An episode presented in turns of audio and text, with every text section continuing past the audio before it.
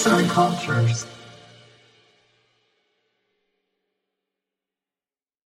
Merhaba sevgili dinleyiciler. Bugün sizlerle Sokrates ve İsa örneklemi üzerinden retorik nedir sorusunun cevabını arayacağız. Keyifli dinlemeler. Başlangıçta söz vardı. Söz Tanrı ile birlikteydi ve söz Tanrı'ydı. Başlangıçta o Tanrı ile birlikteydi. Yuhanna. İncil'de soyu Davut peygambere dayandırılan İsa, Yahudiye bölgesindeki Beytlehem kasabasında doğmuştur. Yusuf isimli bir gencin nişanlısı olan Meryem, kutsal ruhtan gelen müjde ile İsa adında bir bebeğe hamile olduğunu öğrenmiştir. İsa, İncil'de iyi bir öğretmen, haberci, elçi gibi unvanlarla anılmıştır. İncil'de İsa yeryüzünde sevginin krallığını kurmak için gönderilmiştir. Öyle ki o da tıpkı insanlar gibi sıkıntılar çekmiştir ve insan olmanın zayıflıklarına ortak olduğu kaydedilmiştir. Eşeklerin ve hayvanların arasında doğan İsa'nın hayatı birçok düşünür gibi asketik bir şekilde ilerlemiştir. İsa hayatı boyunca insanlara sevginin ve erdemin gücünü anlatmayı şiar edinmiştir. Sözlerinde ağırlıklı olarak sevginin ve sevilmenin insanı nasıl erdemli bir yola sevk ettiğinden bahsetmektedir. İsa'nın insanlar içerisinde konuşup yaratıcının varlığını aktarırken ki kendinden eminliği dinleyiciyi etkilerken aynı zamanda korkuttuğu da kaydedilmiştir. Toplumu yönetenlerin yapmış oldukları haksızlıkları ve eşitsizlikleri dile getirirken kullanmış olduğu ikna kabiliyeti ve üslup tarzı bugün Hristiyanlığın organize bir din haline gelebilmesinde ölüm şeklinden sonra en büyük etken olmuştur. Sevgi, Tanrı'nın buyruklarına uygun yaşamamız demektir. Başlangıçtan beri işittiğiniz gibi onun buyruğu sevgi yolunda yürümenizdir. Yuhanna'nın ikinci mektubu. Matta İncil'inin 5. ve 7. bölümlerinde İsa'nın 12 havarisinin ve halkın büyük kesiminin de yer aldığı dağdaki vaazı konu edinilmiştir. Hitabeti ve hikmetleriyle dinler tarihinde önemli bir yeri olan İsa, gerçek mutluluğun nerede ve nasıl elde edileceğinden sevgi, düşmanlık, intikam, dua gibi birçok konulara değinerek ama özünde sevginin hakim olduğu bir konuşma ile bugünkü Hristiyanlığın temellerini atmıştır. İsa önce Tanrı'nın krallığını daha sonra adaletini arayın demiştir. Çünkü ona göre bir insan bütün dünyaya sahip olsa da maneviyatını kaybettikten sonra sahip olduklarının hiçbir önemi kalmayacaktır. İsa yeryüzünde yaşadığı müddetçe doğruyu yanlıştan ayırma, etkili ve hikmetli söz etme gibi özellikleri ve kendinden emin bir şekilde yapmış olduğu konuşmalarla söylevin iyi kullanımının insanlar üzerindeki etkisini daha o zamanlarda kanıtlamıştır. Peygamberlerin gelmiş oldukları toplulukların dilini iyi kullanabilmesi, güzel ve etkili konuşma yeteneğine sahip olması yaygın olarak görülmüş özelliklerdir. İnsanları inandırarak ikna etmek için başvurmuş oldukları yaptıkları içerikler, konuşma tarzları, konuşmaların yapılmış olduğu kesimler büyük önem arz etmektedir. Sokrates İsa'dan önce 470'te heykeltıraş Sofroniskos'un ve ebe Fenarete'nin oğlu olarak dünyaya gelmiştir. Sokrates tıpkı İsa gibi yaşadığı süre zarfı boyunca yazılı bir eser bırakmamıştır. Sokrates yazma konusunda diğerleri kadar istekli olmamıştır. Bu yüzden Sokrates'in düşüncelerini Platon aracılığıyla günümüzde okuyup tartışabilmekteyiz. Platon'dan öğrendiğimiz kadarıyla Sokrates daha keskin ve net sorularıyla tanınmıştır. Sofistlerin yapmış olduğu gibi dahil olduğu bir tartışmayı kazanmak veya kaybetmek onun nihai amacı olmamıştır. Sokrates gerçek anlamda insanı ve toplumları anlamaya hatta özümsemeye yönelik aksiyoloji temelli sorulara cevap aramıştır. Örneğin erdem nedir? Sokrates'in retorik sanatını icra edenlere karşı geliştirmiş olduğu argümanlar erdemle ilişkili bir haldedir. Söylev sanatı Sokrates'e göre ikiye ayrılmaktadır. Birincisi bunu tamamen tartışmalarda haklı çıkmak ve kendine itibar sağlamak için kullanan kişilerdir. İkinci olarak da insanlara doğru ve erdemli bilgilerin tarımını sağlayarak insani niteliklerimizin yüceltmek için kullanan kişilerdir. Sokrates ikincisine inanmaktadır. Fakat böyle bir söylev sanatçısının da olmadığını açıkça dile getirmiştir. Sokrates'in en etkili bildiğim tek şey hiçbir şey bilmediğimdir aforizması aslında yaşam özetini de bizlere sunmaktadır. Atina halkı ile yaptığı konuşmalarda öğrencilerine anlatmış olduğu derslerinde her zaman karşı tarafın körü körüne savunduğu düşüncelerle savaşmıştır. Çünkü Sokrates için bilgi ve erdem birbirine eşittir. Ona göre neyin doğru olduğunu bilen bir kişi her zaman ve her koşulda doğru olanı yapacaktır. Bu yüzden bilginin olduğu yerde erdem eksilmeyecektir. O insanların bildiğini sandığı şeyleri aslında hiç bilmediklerini ve şişirilmiş egolarını bir noktada gün yüzüne çıkarmaktadır. Bu yüzden de hayli düşman edinmiştir. Tıpkı İsa gibi. İsa da kendi döneminde yapmış olduğu vaazlar sonucunda münafıklık ve menfaatçilikle suçlanmıştır. Dönemin bürokrasisi İsa'yı Roma hukukuna karşı gelmekten dolayı ölümü çevrelerde haklı görülmüştür. İsa döneminin sistemine ağır eleştiriler sunarak bir anlamda sisteme çomak sokmaktadır. İnsanın antagonist doğasına dikkat çeken İsa, dünyada mevki ve saadet için yaşayanları uyandırma ereği içerisinde hareket etmiştir. İsa'nın ideal olarak gördüğü insan ruhanidir. Mutluluğun ve huzurun asla maddiyatla kazanılmayacağını bilen kişidir. İsa'nın kendi döneminin otoritelerini baştan sona sorgulayan ve bunu vaizleriyle anlatan biri olması ona Sokrates'in hayatında olduğu gibi hayli düşman kazandırmıştır.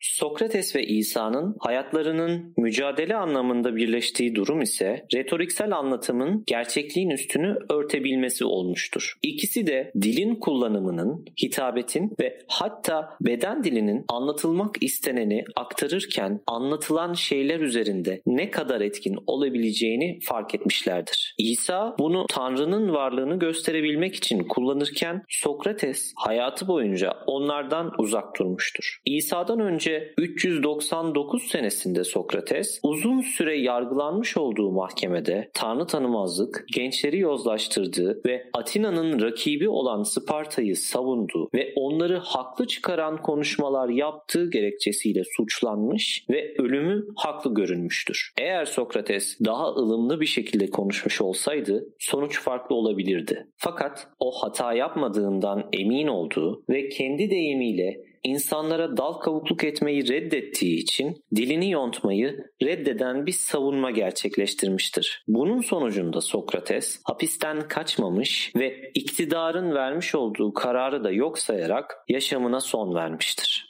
Ama Atinalılar ben onlar gibi baştan başa parlak ve gösterişli deyimlerle, terimlerle bezenmiş, usturuplu düzenlenmiş söylevler çekecek değilim. Tanrı göstermesin. Yalnız dilimin ucuna gelen sözcükleri allayıp pullamadan söyleyeceğim. Çünkü bütün diyeceklerimin doğru olduğuna inanıyorum. İçinizde kimse benden doğrudan başka bir şey beklemesin. Atinalılar, toy delikanlılarımız gibi karşınızda bir takım süslü püslü tümcelerle konuşmak benim yaşımdaki bir bir adama yakışmaz. Sizden yalnızca şunu dileyeceğim. Kendimi savunurken öteden beri alışık olduğum gibi konuştuğumu, agorada, sarraf tezgahlarında nasıl konuşursam ya da başka yerlerdeki konuşmam gibi burada da öyle konuştuğumu görürseniz şaşırmayın. Kesmeyin sözümü. Şunu da bilin ki ben 70'ini aşmış bir adamım. İlk olarak yargıç karşısında bulunuyorum. Burada konuşulan dilin de büsbütün yabancısıyım. Onun için bir yabancının ana diliyle kendi yurdunun törelerine göre konuşmasını nasıl doğal karşılarsanız beni de tıpkı bir yabancı sayarak alışık olduğum gibi konuşmama izin verin. Söyleyiş iyi ya da kötü olmuş ne çıkar bundan? Siz yalnız benim doğru söyleyip söylemediğime bakın. Asıl buna önem verin. Bir yargıcın değeri artamı buna dayanır. Çünkü söylevcinin ki de doğruyu demeye. Platon savunma. İsa'nın yazgısı da Sokrates'ten farklı olmamıştır. İsa'ya Mesih olup olmadığı sorulduğunda İsa'nın evet yanıtı vermesi üzerine İsa yüksek din otoriteleri tarafından ölüm cezasına çarptırılmıştır. Çarmıha gerildikten sonra Romalı yüzbaşının ayağa kalkıp bu gerçekten Tanrı'nın oğluydu diye bağırdığı kaydedilmiştir. Baba onları bağışla dedi. Çünkü ne yaptıklarını bilmiyorlar. Luka İkisinin de hayatlarını sona getiren etken doğru bildikleri hiçbir şeyden taviz vermemeleri, dilin etkisini kendi çıkarları ve otoriteleri için kullananlar karşısında erdem ve iyi olandan vazgeçmemiş olmalarıdır. O halde dil nasıl oluyor da bir insanın hayatını sonlandırabilirken bir başkasının yaşamını yüceltebilmektedir? Söylev sanatının kullanım şekli bireylerin hayatlarından siyasi varlıklarına kadar derinden etkileyebilmeyi ve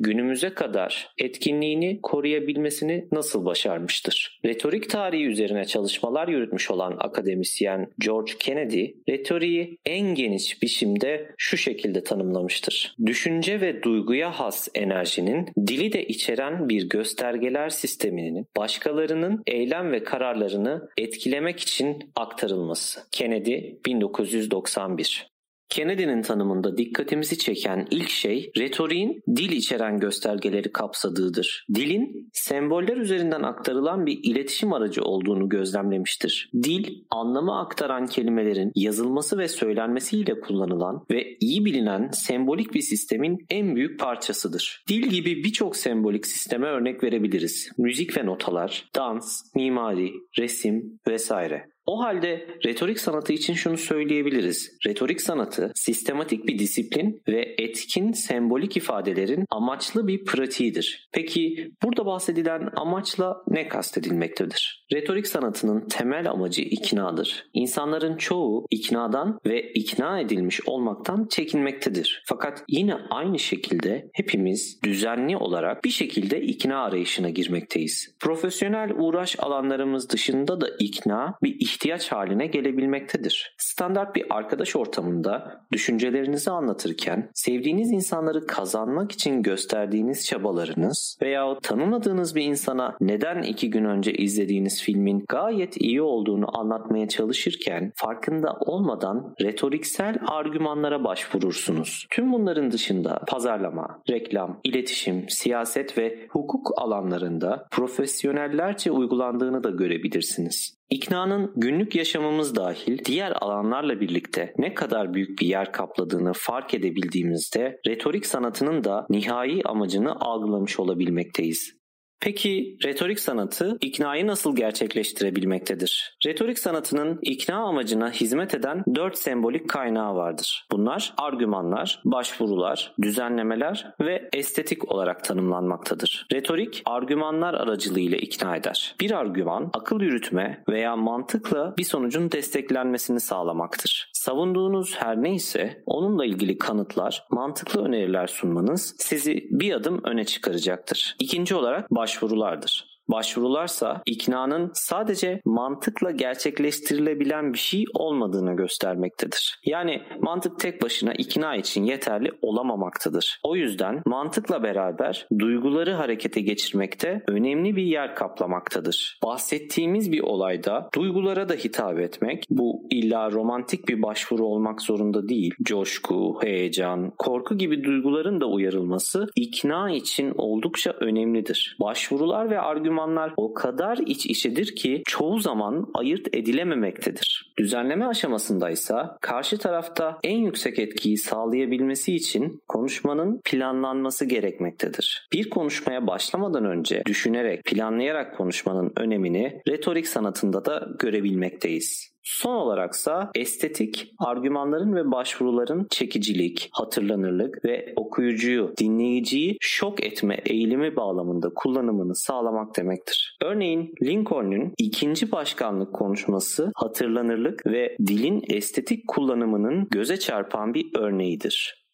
Burada bundan böyle kendini esas adaması gerekenler hayatta kalmış olanlardır. Bu bitmemiş görevi bu cesur insanların bu kadar ilerlettiği noktadan alıp daha ileriye taşımalıyız. Biz hayatta kalanlar işte bu görevi sırtlanıp burada hayatını vermiş olanların fedakarlığından aldığımız kuvvetle daha çok ileriye gitmek zorundayız ki bu insanların bir hiç uğruna ölmediğini ispatlayalım. Tanrı'nın şahitliğindeki bu ülkenin yeni bir özgürlük doğuşu yaşamasını sağlayalım sağlayalım ve halkın halk tarafından halk için yönetimde olduğu bu devlet yeryüzünden silinmesin. Listelist 2016 Sadece 2 dakika süren konuşmasında 271 kelime kullanmıştır. Konuşmanın 5 kez alkışlarla bölündüğü ve en sonunda büyük bir alkış aldığı kaydedilmiştir. Lincoln'un hitabetinin zenginliğini kanıtlayan bu konuşma, kelimelerin ve iletişimin kitleler üzerinde de ne kadar etkili olduğunu da bizlere kanıtlamıştır. Retorik politik iktidarında bir kaynağıdır. Bir toplumun kültürü içinde sık sık kimin konuştuğu, nerelerde konuşulmasına izin verilip nerelerde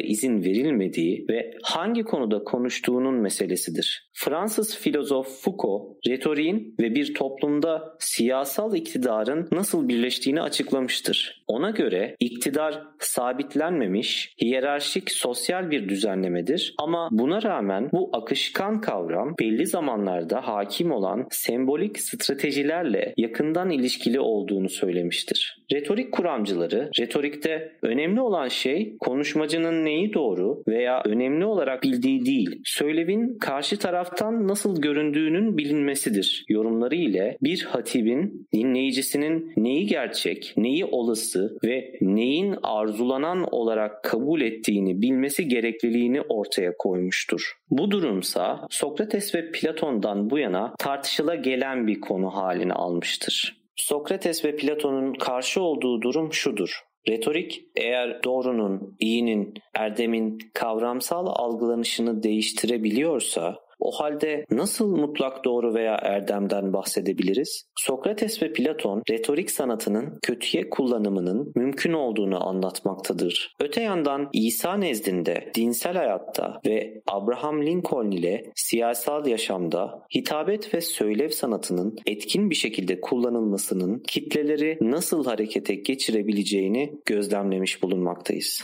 Retorik sanatının kullanımı ve kullanım tarzları hakkındaki görüşler her ne kadar bölünmüş bir vaziyette olsa da insanlığın dil ve anlama yetilerinin farkına varması ile birlikte günümüze kadar bir disiplin halini alarak gelmesini başarabilmiştir. Dikotomi belasından soyutlanmış bir vaziyette retorik sanatını tanımladığımızda bütün diğer sanat ve disiplinleri organize eden, yapısını belirleyen ve bir kontrol ölçütü olarak uygulanan bir tür ana disiplin olarak açıklayabiliriz. Yazan Sevtap Sarah Kaçak, seslendiren Sedat Yılmaz.